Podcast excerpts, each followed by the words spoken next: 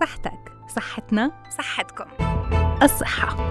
حالة اكتمال السلامة الجسدية والعقلية والاجتماعية مش بس انعدام المرض أو العجز.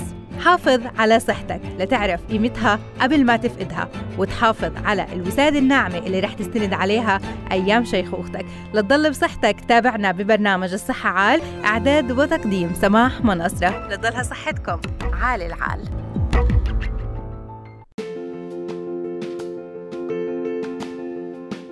أسعد الله أوقاتكم بكل الخير والصحة والعافية لكم دائما. بدينا معكم حلقتنا لليوم من برنامج الصحة. عال رح نحكي بالعديد من المواضيع بالإضافة للأخبار الصحية وآخر المستحدثات الصحية من حول العالم. رح نكون بمواضيع بنحكي فيها اليوم عن العدسات اللاصقة حذر أطباء العيون من أنه جهل الكثيرين وإهمالهم أثناء استخدامهم وضعهم للعدسات اللاصقة ممكن يؤدي لمعاناة من نتائج لا سمح الله تكون وخيمة وممكن تتطور سلبيا لدرجة الإصابة لاحقا بالعمى وفقدان البصر. رح نحكي عن الاستخدام الأمثل للعدسات اللاصقة والمحاذير أيضا من استخدامها. العلامات والأعراض للتسمم بالعقاقير الطبية بتختلف حسب نوع العقار الكمية المتناولة وأيضا حسب عمر المصاب. ممكن أهم الأعراض الغثيان والقي وألم داخل البطن. رح نتعرف اليوم على التسمم بالعقاقير الطبية شو بتكون العلاجات المقترحة له وطريقة التشخيص المناسبة. التفوق العلمي وقوة قوة الذاكرة وكيف ممكن تؤدي للتفوق أو كيف ممكن يؤدي التفوق أحيانا للجنون. آه، رح نحكي بهذا الموضوع أكثر بالإضافة للغدد الليمفية والاضطرابات المتعلقة فيها. معكم بالأعداد والتقديم من وراء الميكروفون أنا سماح مناصرة. يسعد مساكم بكل الخير. دراسة طبية حديثة صدرت عن مركز أبحاث طب العيون في لندن بالمملكة المتحدة نبهت لأهمية وضرورة عدم الاستمرار في ارتداء العدسات اللاصقة. وحذر الأطباء من أنه جهل الكثير من الأشخاص بالعدسات اللاصقة وطريقة ارتدائها الصحيحة وإهمالهم أثناء استخدامها ووضعها آه، ممكن يؤدي لمعاناة كبيرة وتكون نتائجها وخيمة ممكن تتطور لا سمح الله سلبيا لدرجة الإصابة لاحقا بالعمى وفقدان البصر. شو الأمراض اللي ممكن تسببها العدسات اللاصقة؟ كيف ممكن نتجنبها شو الطرق المناسبة لارتداء العدسات اللاصقة والمحاذير أيضا من استخدامها؟ نناقش هذا الموضوع أكثر مع أخصائي طب العيون الدكتور أحمد غنام. أهلا وسهلا فيك دكتور يسعد أوقاتك. أهلا وسهلا بك يا أختي يسعد صباحك يسعد صباح إخواننا وأهلنا وشعبنا اللي بيسمعنا في هذه اللحظات. أهلا وسهلا فيك. و... نتشرف بالتواصل معكم. أهلا وسهلا بحضرتك. إحنا زادنا شرف أكيد. أه نحكي معك دكتور اليوم عن العدسات اللاصقة اللي من آخر الدراسات إنه سوء استخدامها ممكن يؤدي للعمى بداية خلينا نحكي عن الاستخدام الأمثل للعدسات اللاصقة. كيف ممكن إنه يكون؟ يعني الحقيقة الحديث عن العدسات اللاصقة نتخيل وصفين كطبيا. هي العدسات اللي تستخدم كحاجة طبية. والنقطة الأخرى العدسات اللي عم تستخدم كموضة لتغيير لون العينين في هذا الوضع ويمكن للأسف الشديد في الفترات الأخيرة والسنوات الأخيرة هي منتشرة أكثر. يمكن في مجتمعاتنا كمان أكثر من المجتمعات الأخرى وخاصة بين الإناث أكثر من الرجال طبعا. للموضة أو لتتبع المناسبات أو لمواصفات كثيرة متعددة الأصل في أي التعامل مع بني آدم سواء في العيون أو في نقاط أخرى أن نتعامل بشكل طبيعي، أفضل شيء هي الوصف اللي ربنا خلقنا فيه وأن لا نكون مرضى، أن نكون سليمين معافين. أما إذا أجبرنا على التعامل بحاجيات إضافية فهي هذه أصلا أجسام غريبة. صحيح. التعامل معها بجسم بني آدم وكل جسم غريب يدخل بني آدم أو يدخل جسم بني آدم له إيجابياته وله سلبياته. م. الأصل في الدواء هي الحاجة والعدسات اللاصقة عندما صممت صممت كي تكون أحد أنواع العلاج. فالمبدأ الأساسي فيها هو التعامل مع أولئك الناس اللي لازم يتعاملوا في هذا الوصف كي يحسنوا من عملية الرؤية تبعتهم والتي لا تليق بهم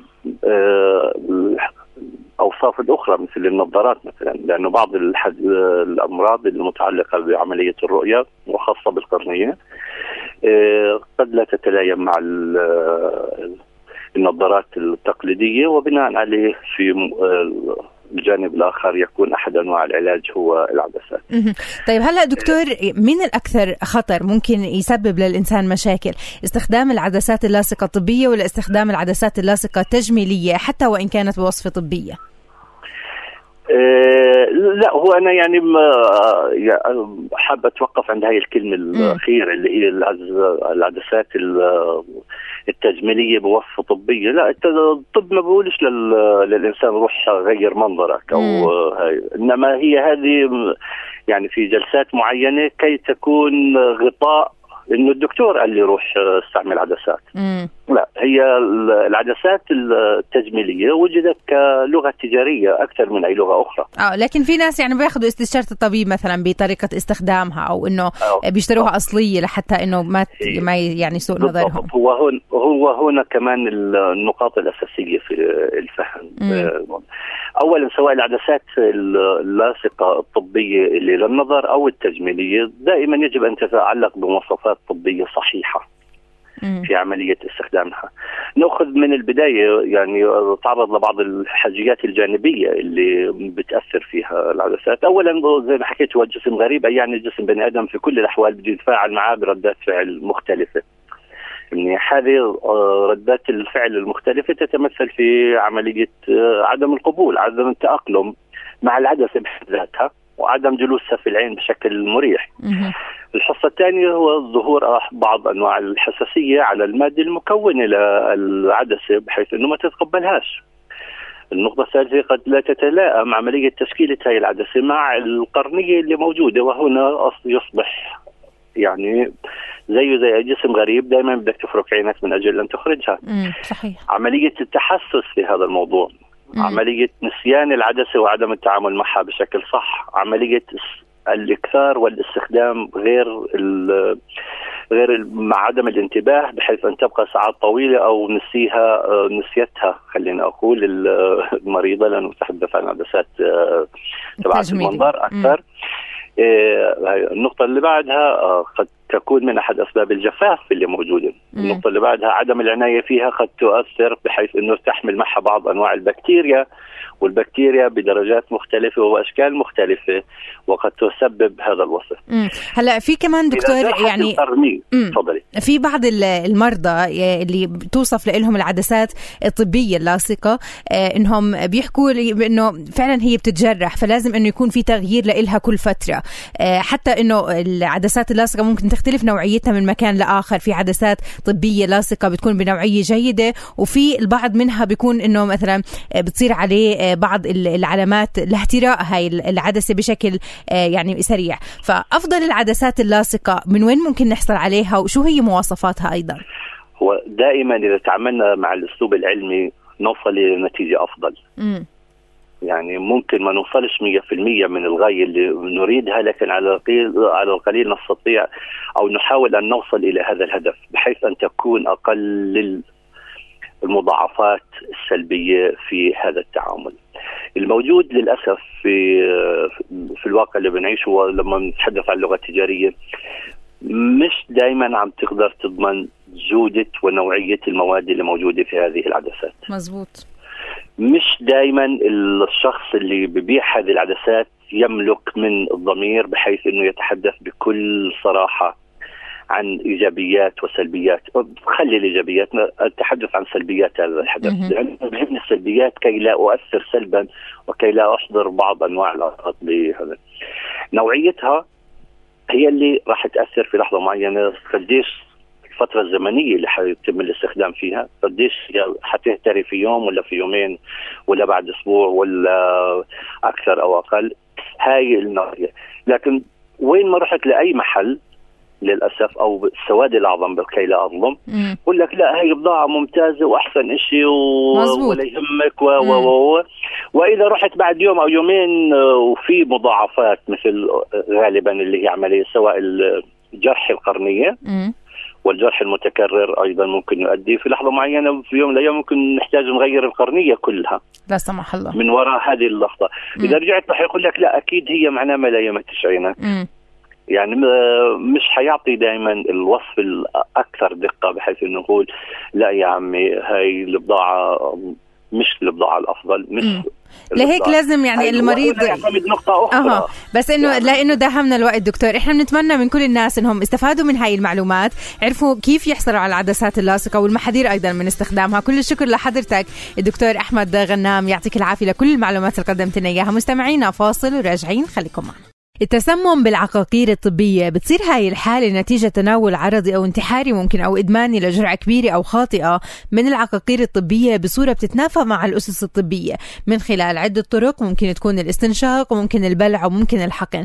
علامات كتير ممكن تظهر على الشخص اللي بتعرض للتسمم بالعقاقير الطبية. أهمها الغثيان والقي وألم داخل البطن مع التأثير على درجة الوعي عند المصاب. رح نحكي أكثر عن هذا الموضوع. آه، شو العلامات أيضا ممكن تظهر؟ كيفية التعامل مع هاي الحالة؟ الحالة وأيضا تجنب المخاطر اللي ممكن تكون نتيجة هاي الحالة. نحكي بهذا الموضوع أكثر مع الدكتور حازم ملحم الطب العائلي مجموعات العيادات الأمريكية لحماية الأسرة. دكتور حازم أهلا وسهلا فيك يسعد أوقاتك. حياكم الله. أهلا وسهلا فيك. أهلا وسهلا. دكتور اليوم بنحكي عن التسمم بالعقاقير الطبية. نعم. بداية نوضح هاي الحالة شو هي. نعم صحيح. الواقع أولا بداية نقول بأن العقاقير الطبية أو الأدوية هي مادة غريبة عن الجسم وبالتالي تناولها في طريق بطريقة غير مناسبة يلحق الضرر بالجسم إلى حد فقدان الحياة. الآن يوجد فرق ما بين التسمم بالعقاقير أو الأدوية وما بين إلحاق الضرر. الفرق هو كالتالي بأن التسمم هو عبارة عن هبوط في وظيفة الأعضاء الداخلية تتابعا وسريعا إلى حد وصول الجسم إلى صدمة بكافة أنواع الصدمة بطبيعة الحال. أما الضرر يعني تناول دواء وهذا الدواء يلحق الضرر بأحد أعضاء الجسم. آه الآن التسمم بالعقاقير الطبية أو التسمم بالأدوية آه، يؤثر على الجسم بطريقتين. الطريقة الأولى تسمى التسمم السريع والطريقة الثانية تسمى التسمم البعيد الأمد. التسمم السريع بمعنى تناول كمية كبيرة من الأدوية. ممكن هذا اللي اعتدناه إحنا دكتور إنه بنسمع آه عن التسمم بالعقاقير الطبية بنعرف إنه تناول كمية كبيرة من الأدوية. لا صحيح إحنا واجبنا نفسر هون مم. كل أشكال الضرر هذا. آه تناول كمية كبيرة من الأدوية الذي يدخل الجسم في حالة التسمم. التسمم بمعنى هبوط حاد في وظيفة الأعضاء الداخلية تتابعا حتى وصول الجسم إلى حالة صدمة تسمى أنافيلاكتيك شوك أو تسمى ألرجيك شوك أو ادرينوجينيك شوك. بغض النظر عن نتيجة الصدمة بغض هذا يعتمد على نوع الدواء الذي استخدمه المريض. أنت تعلمين؟ الآن القضية في التسمم حقيقة بأن التسمم آه، آه، يكون أيضا بعيد الأمد بمعنى أنه يتناول دواء وهذا الدواء على مدى بعيد أدى إلى ضرر في أعضاء الداخلية ودخوله في حالة التسمم. ما اعتدنا عليه تناول أدوية بكميات كبيرة حقيقة.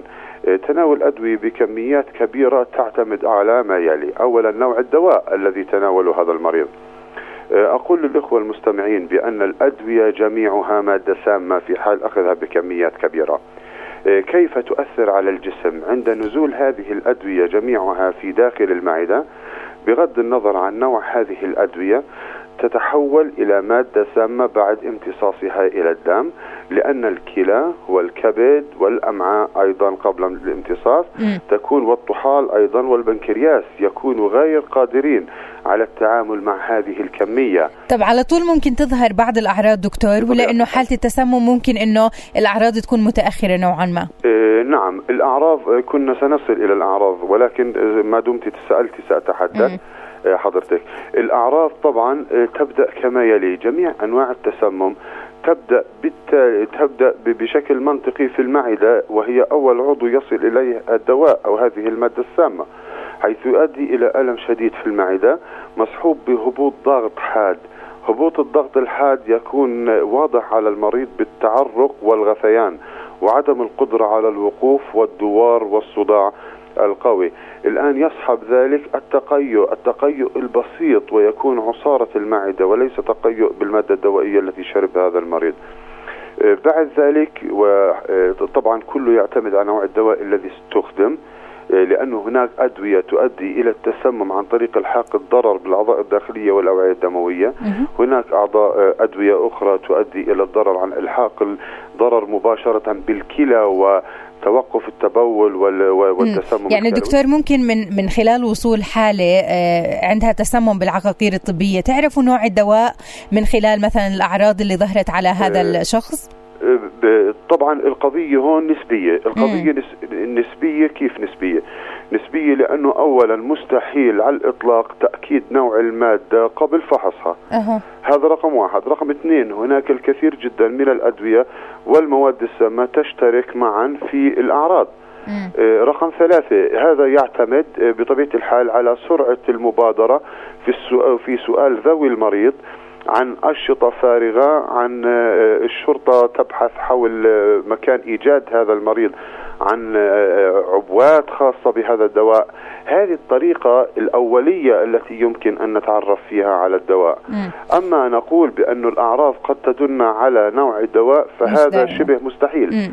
لأنه ليش شبه مستحيل. لأنه نتكلم عن حالة تحتاج إلى إبداء مساعدة خلال دقائق أو ثواني أحيانا. صحيح. طيب ممكن دكتور التسمم بالعقاقير الطبية يؤدي للوفاة آه, آه، متى متى هاي الحالة ممكن نعم. تصير؟ سؤال جميل جدا. إن الوفاة تحدث آه، لثلاثة أسباب أو أو تعتمد على ثلاثة أمور. م. الأمر الأول نوع الدواء، الأمر الثاني حالة المريض الصحية أثناء تناول هذا الدواء، يعني مثلا المريض الذي يعاني من أمراض القلب والسكري تختلف مقاومته للتسمم الدوائي عن شاب. والشاب تختلف مقاومته للتسمم الدوائي عن طفل، كل م. فئة من الأعمار لها مميزاتها. اثنين الجنس ذكر أم أنثى. أيضا هذا يعتمد اعتماد شديد مثلا التسمم بالأدوية مانعة للحمل يؤدي إلى التجلطات على سبيل المثال أه. ووفاة سريعة جدا. أه ولا أريد أن أوضح لأسباب أمنية هنا حقيقة. أنواع الأدوية كيف تؤدي إلى الوفاة؟ أنت عرفتي شيء يعني هون موضوع حساس شوي. صحيح مزبوط. أنا ما بقدر أدخل لك باسماء ادويه مزبوط مزبوط. آه ولكن أنا أقول بشكل عام أنا أقول بشكل عام إنه إحنا قادرين مبدئيا أن نحدد اتجاه العلاج أو الدواء الذي اتخذ. على سبيل المثال الانخفاض الحاد في السكر. هناك مجموعة من الأدوية تؤدي إلى الانخفاض الحاد في السكر. ارتفاع شديد في الضغط. انخفاض شديد في الضغط. هذه كلها علامات تميز الأدوية. ما يهم المستمع الكريم؟ يهم المستمع الكريم معرفة ما يلي؟ بأنه كل دواء قادر على أن يحدث التسمم. وتحدثنا عن تعريف التسمم هبوط حاد في وظيفة الأعضاء الداخلية بشكل مفاجئ حتى وصول الجسم إلى حالة الصدمة تمام إذا ماذا يجب على المستمع الكريم أن يفعل؟ المستمع الكريم أولا أن يتقيد تقيد كامل بما هو منصوص عليه في نشرات الأدوية م. اثنين وهذا موجود على كل عبوة من عبوات الدواء ابعاده عن متناول أيدي الأطفال. صحيح وأيضا التعامل مع الدواء بحذر دائما حتى الشخص المريض اللي وصفت له الوصفة الطبية كمان لازم يكون حذر بتعامله مع الأدوية لأنه الدواء مش شيء عبثي أو أنه شيء ممكن ما يكون له ضرر. من خلال حديثك دكتور توضح لنا أنه آه، الدواء آه، شيء خطير آه، هو صح ممكن يساعدنا على العلاج لكن لازم يكون في حذر من استخدامه. كل الشكر لحضرتك الدكتور حازم ملحم طبيب الطب العائلي ومجموعة العيادات الأمريكية لحماية الأسرة. مستمعينا فاصل راجعين خليكم معنا والصحة عال مستمعينا رح ننتقل معكم لحتى نحكي بموضوع آخر. بنحكي فيه عن آه، الغدد الليمفية وشو الاضطرابات اللي ممكن تحدث فيها الجهاز الليمفاوي هو جزء أساسي من قدرة الجسم على مكافحة العدوى.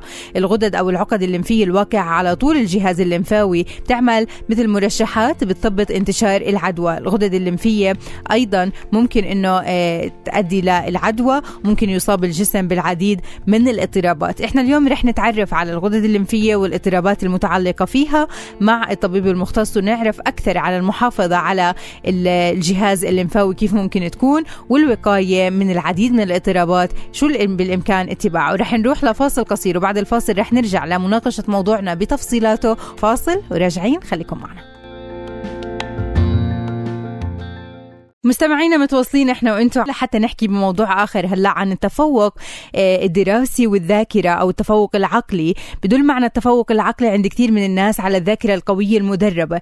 ظهر مصطلح التفوق العقلي وجرى استخدامه على نطاق واسع من وقت قريب في النصف الثاني من القرن الحالي العشرين على حين إنه مفهوم الذاكرة القوية ومدلولها ممكن استقر في أذهان الناس من وقت بعيد آه، ولو على مستوى تذكر الأشياء اليومية وتفاصيل العلاقات الإنسانية. معنى التفوق العقلي سرعان ما لمع المعنى الجديد ولقى مصطلح التفوق العقلي قبول عند الكثير من الأشخاص على المستوى العلمي وعلى مستوى الناس العاديين. بيرجع هذا الأمر لسببين هو حداثة المصطلح تعتبر هاي ميزة بتميز فيها عن المصطلحات الأخرى اللي بيتم تداولها في هذا المجال واللي سبق استخدامها وارتبط فيها الكثير من المعاني حتى أصبح الناس بيختلفوا حول آه، شو اللي بنقصده من المعاني بمفهوم التفوق العقلي. إحنا اليوم بدنا نحكي بموضوع التفوق العقلي كيف ممكن آه، يؤدي للجنون لا سمح الله. يعني عرفنا بعض الأشخاص اللي كان عندهم قدرة على الذكاء كبيرة آه، وكان عندهم تفوق أيضا دراسي وتفوق عقلي كثير كبير. فيما بعد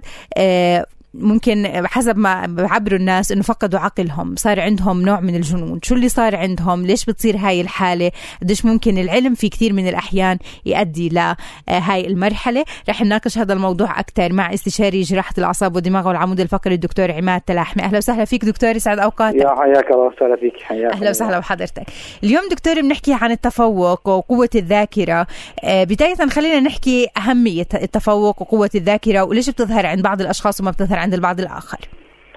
لا شك إنه التفوق يعني آه، إذا إحنا رحنا نبحث في التفوق لازم نشوف المتفوقين، المتفوقين من العلماء اللي صاروا بالعالم سواء نيوتن، إينشتاين، بيتهوفن، آه، علماء مسلمين كثار ما زال منهم ناس معاصر وناس آه، توفاهم الله عز وجل، تجد إنه هؤلاء الناس كثير منهم يعني هي عبارة عن ربانية وآتيناه بسطة بالعلم والجسم الله عز وجل بيحكي هذا الكلام في القرآن الكريم. مم. فالبسطة في العلم والبسطة في الجسم كانت منحة من الله عز وجل حتى لو إحنا اثنين آه، عندهم بسطة بالعلم والجسم مش شرط انه يطلع من بينهم واحد آه، آه، بنفس المواصفات. وكثير دراسات علمية يعني دلت إنه ما فيش شيء وراثي يعني الذكاء عبارة عن شيء مكتسب يكتسبه الإنسان. مم. ولكن يعني هذا الكلام ما زال قيد البحث وقيد الشك إنه الاثنين أذكياء بتجربوا أغلب العيله بتكون أذكياء.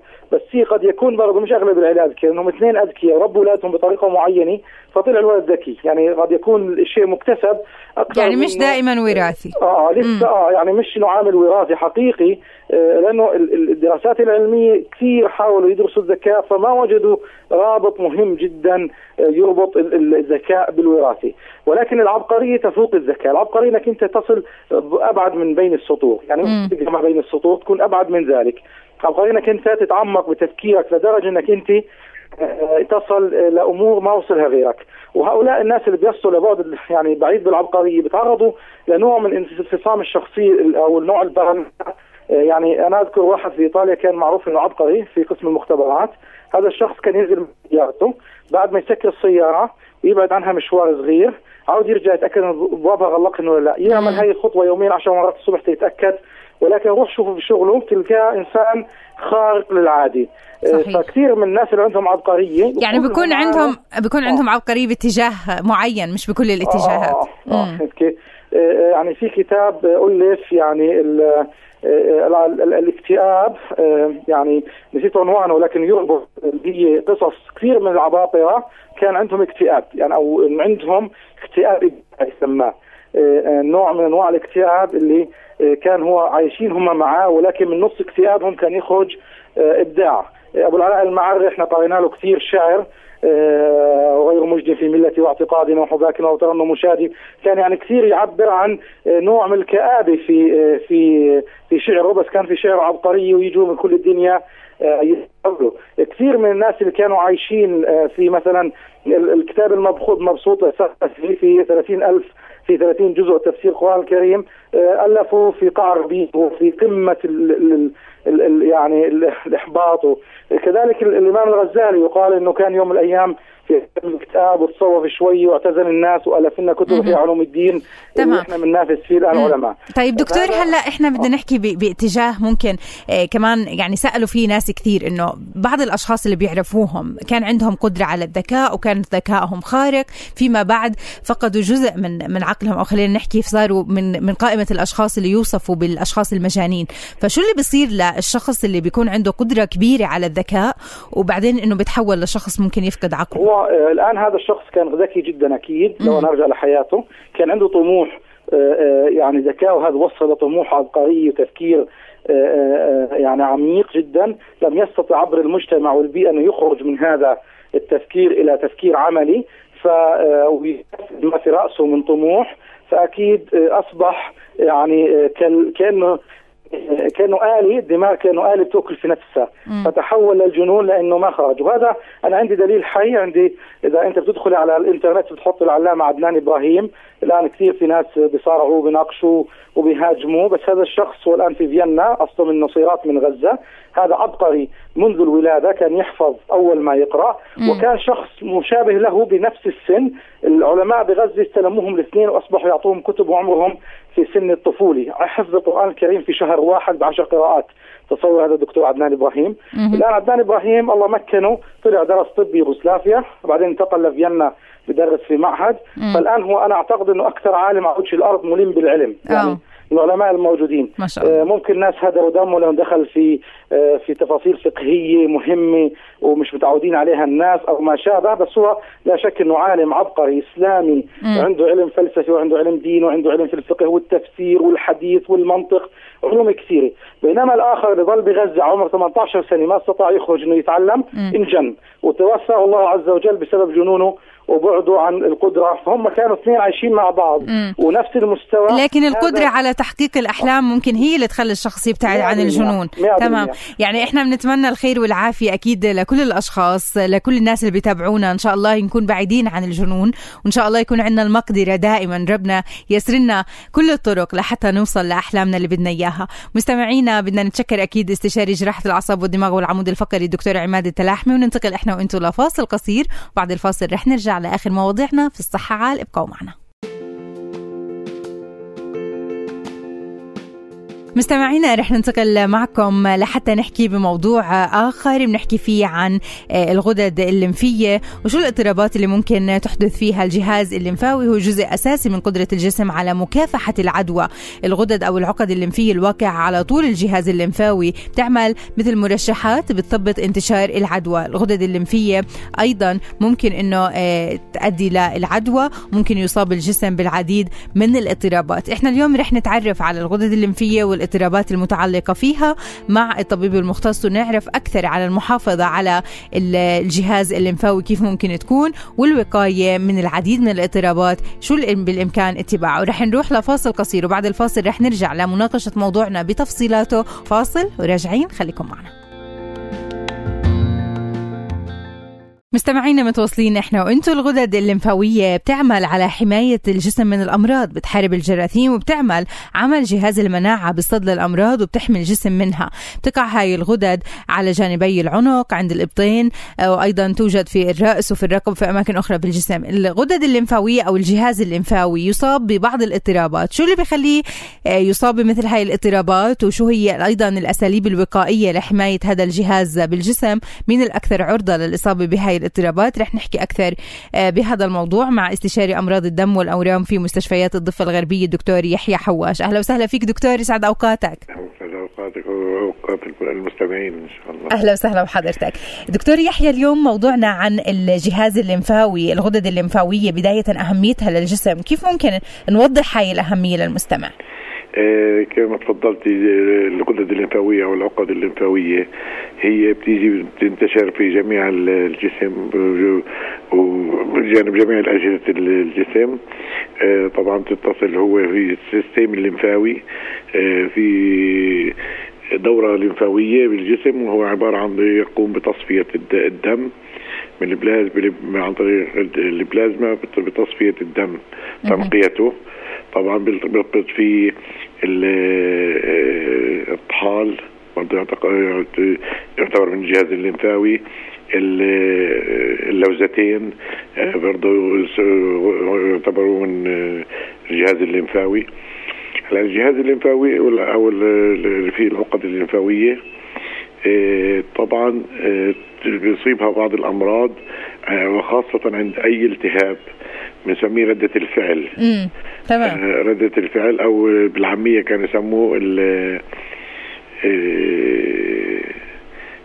يعني إنه حيل إنه بتظهر بتتضخم العقد الليمفاوية بجانب أو قريبة على الالتهاب. فبتظهر زي الجلال على شكل كرويات تكون يابسة ومرات فيها ألم. لكن دكتور إحنا بنلاحظ مثلا في اختلاف بمقاومة الجسم مثلا لحدوث هاي الالتهابات. مثلا أشخاص تعرضوا لشرب مثلا السوائل الباردة بنلاحظ بأنه نفس درجة الحرارة شخص التهبت عنده اللوز وشخص لا. فليش بصير هذا الاختلاف ما بين شخص وآخر لالتهاب مثلا الجهاز الليمفاوي هو الالتهاب وليس ليس الالتهابات الحادة. الالتهابات تكون تمتد أكثر من آه، من حاد لفترة أطول. وخصوصا أنه بتكون ممكن تكون التهابات آه، آه، غير طبيعية يعني للمرافقة لأمراض معينة بالجسم. وهذه طبعا اللي بحددها دائما الفحوصات اللازمة والأطباء المختصين. ولكن هناك كمان إنه تضخم في العقد الليمفاوية أو الجهاز الليمفاوي آه، عبارة عن آه، يكون آه، نفس العقد الليمفاوية تصاب بأمراض الخبيثة. لا سمح الله. لا آه فأغلبها بتكون مرات إذا تضخمت كثير وقعدت فترات طويلة بتستجيبش للعلاج اللي محدد لأي جسم يجب متابعتها وعمل فحوصات لازمه لها و... وفحصها مخبري أخذ عينات منها طيب. حتى نستثني منها الأمراض مم. الخبيثة. تمام. دكتور من الأكثر عرضة أيضا للإصابة باضطرابات الغدد الليمفاوية؟ هل هم النساء أو الرجال؟ أو بغض النظر عن الجنس ممكن إنه الاثنين يكونوا نفس الشيء. الاثنين نفس الشيء بس ولكن يظهر أكثر شيء ما بنسميه الغدد المنتخمه رياكشنري يعني آه، بصير عندها حساسية من الالتهابات. الأطفال بيظهر عندهم كثير هذه آه. الأشياء. الأطفال أكثر عرضة يعني وخصوصا عندهم تكون المناعات آه، المناعة متدنية يعني خصوصا في بعض الأشخاص بتبقى عندهم آه، المناعة متفاوتة. ناس عن ناس الناس اللي عندهم المناعة أضعف من غيرهم فبين عليهم العقد الليمفاوية هذه بتظهر كمساعدة للدفاع عن الجسم. تمام. طيب هلا إحنا لحتى نتجنب الإصابة بكثير من هاي الأعراض شو المفترض بالشخص يعمل لحتى يحافظ على صحة الجهاز الليمفاوي؟ المفروض إنه الإنسان عندما يشعر أي التهابات إنه يلجأ للطبيب ويتعالج بالطريقة الصحيحة. م. وإنه يبتعد عن أي شيء بيسبب الالتهابات أو آه، تنظيف الجروح آه، عدم الاقتراب من الأشياء الباردة خصوصا في الشتاء. وعدم التعرض يعني للمحافظه على الصحة العامة. اجمالا. تمام. طيب هلا كمان دكتور آه يعني في بعض الأشخاص اللي يصابوا بهاي الاضطرابات اللي بيحملوها يعني مثلا صار عندهم آه عدوى أو صار عندهم التهاب بضلهم إنهم ياخذوا بعض المسكنات وخلص. اعتقادا منهم بإنه آه المسكن ممكن يكون هو الحل الأمثل. هؤلاء الأشخاص إذا أهملوا الحالة الصحية لشو ممكن تؤدي بتضخم كثير وبسوء الوضع أكثر يعني. م. ف دائما نبحث عن سبب السبب التضخم. وعلاجه ومراقبته. يعني سبب التضخم هذا ومعالجته مراقبته يعني. مم. طيب هلا آه، ال ال يعني العلامات اللي ممكن تظهر هلا ممكن إنه بعض الغدد يعني تنتفخ. في علامات تانية ممكن إنه آه، تكون آه، يعني أكثر مثلا معرفة عند الشخص إنه هاي العلامات اللي ظهرت على الجسم هي إصابة بالجهاز الليمفاوي فلازم إنه يكون في زيارة للطبيب المختص. شو أبرز العلامات اللي ممكن تظهر؟ أبرز العلامات هو التضخم في العقد الليمفاويه اللي هي الجهاز الليمفاوي العقد الليمفاويه اللي بتكون قريبة من الأجهزة الملتهبة أو في بعض أجزاء الجسم مثلا تحت الأباط أو على الرقبة أو على خلف الأذنين أو آه، في أسفل البطن آه، هناك أو تضخم الطحال أو كل هذا لازم يراقبه الإنسان وخصوصا إنه مرات تكون مصحوبة ب بارتفاع خفيف في درجات الحرارة أو في ألم بيظهر فيها ألم كمان. تمام. طيب ال ال هاي الغدد لما يعني يصير فيها انتفاخ هلأ العلاج بيكون قادر على إخفاء هذا الانتفاخ ولا شو مثلا العلاجات الوقائية اللي بتكون موجودة؟ لا بتكون علاج المسبب اللي بيصاحب هذه العقد الليمفاوية. لكن يعني هلأ دكتور مثلا لما نحكي عن ورم أو تورم صار عند عند الناس يعني إنه خلص مقترن بالسرطان لا سمح الله. فإنه قديش ممكن يكون تورم لكن له علاج؟ ستي الأورام الغدد الليمفاوية عدة أنواع ولكن هناك ثلاث أو أربع أنواع رئيسية منها المزمن ومنها الحاد. ودائما إذا كان الورم السبب الليمفاوي نفسه إنه هناك علاج له والشفاء دائما فوق يتعدى ال 95% الشفاء التام. إذا تم علاجه بالطريقة الصحيحة وبال بالوقت المناسب. طيب في عمليات جراحية تجرى دكتور لهاي الحالة ولا إنه الأفضل أنواع العلاج مختلفة؟ والله غالبا تؤخذ بس عينات والعلاج دائما يفضل العلاج الكيماوي أو الإشعاعي. مم. كل حالة حسب وضعها وحسب آه، حسب الدرجة اللي اللي واصل فيه المرض. طيب الأشخاص يعني أنت تفضلت وحكيت عن الأطفال يصابوا بالعديد من الاضطرابات آه، بالجهاز الليمفاوي، آه، كيف توصف لهم العلاجات؟ شو طريقة التشخيص المناسب اللي بتكون لهم؟ هل أي طبيب ممكن قادر على تشخيص الحالة بشكل صحيح ولا لازم إنه يكون في زيارة لطبيب مختص ومين هو؟ والله إذا التهابات عادية وعابرة وواضحة السبب وفي علامات طبية أعراض واضحة. ممكن أي طبيب يعالجها. ولكن إذا استعصت على الطبيب العادي لازم يوديه على الأخصائي الدم. أخصائي أمراض الدم ويتابعها ويكتشف بالضبط إيه، سببها إحنا بنتمنى إن شاء الله الخير والعافية والسلامة لكل مستمعينا ومتابعينا. شكرا لك ولكل المعلومات اللي قدمتها الدكتور يحيى حواش استشاري أمراض الدم يعطيك ألف عافية. وبنتمنى الخير والعافية لكل مستمعينا أكيد. الشكر موصول لكل ضيوفي بهالحلقة. إن شاء الله وفقنا بأداء حلقتنا لليوم. لكم تحياتي رفقتكم بالأعداد والتقديم. من وراء الميكروفون أنا سماح مناصرة. في أمان الله.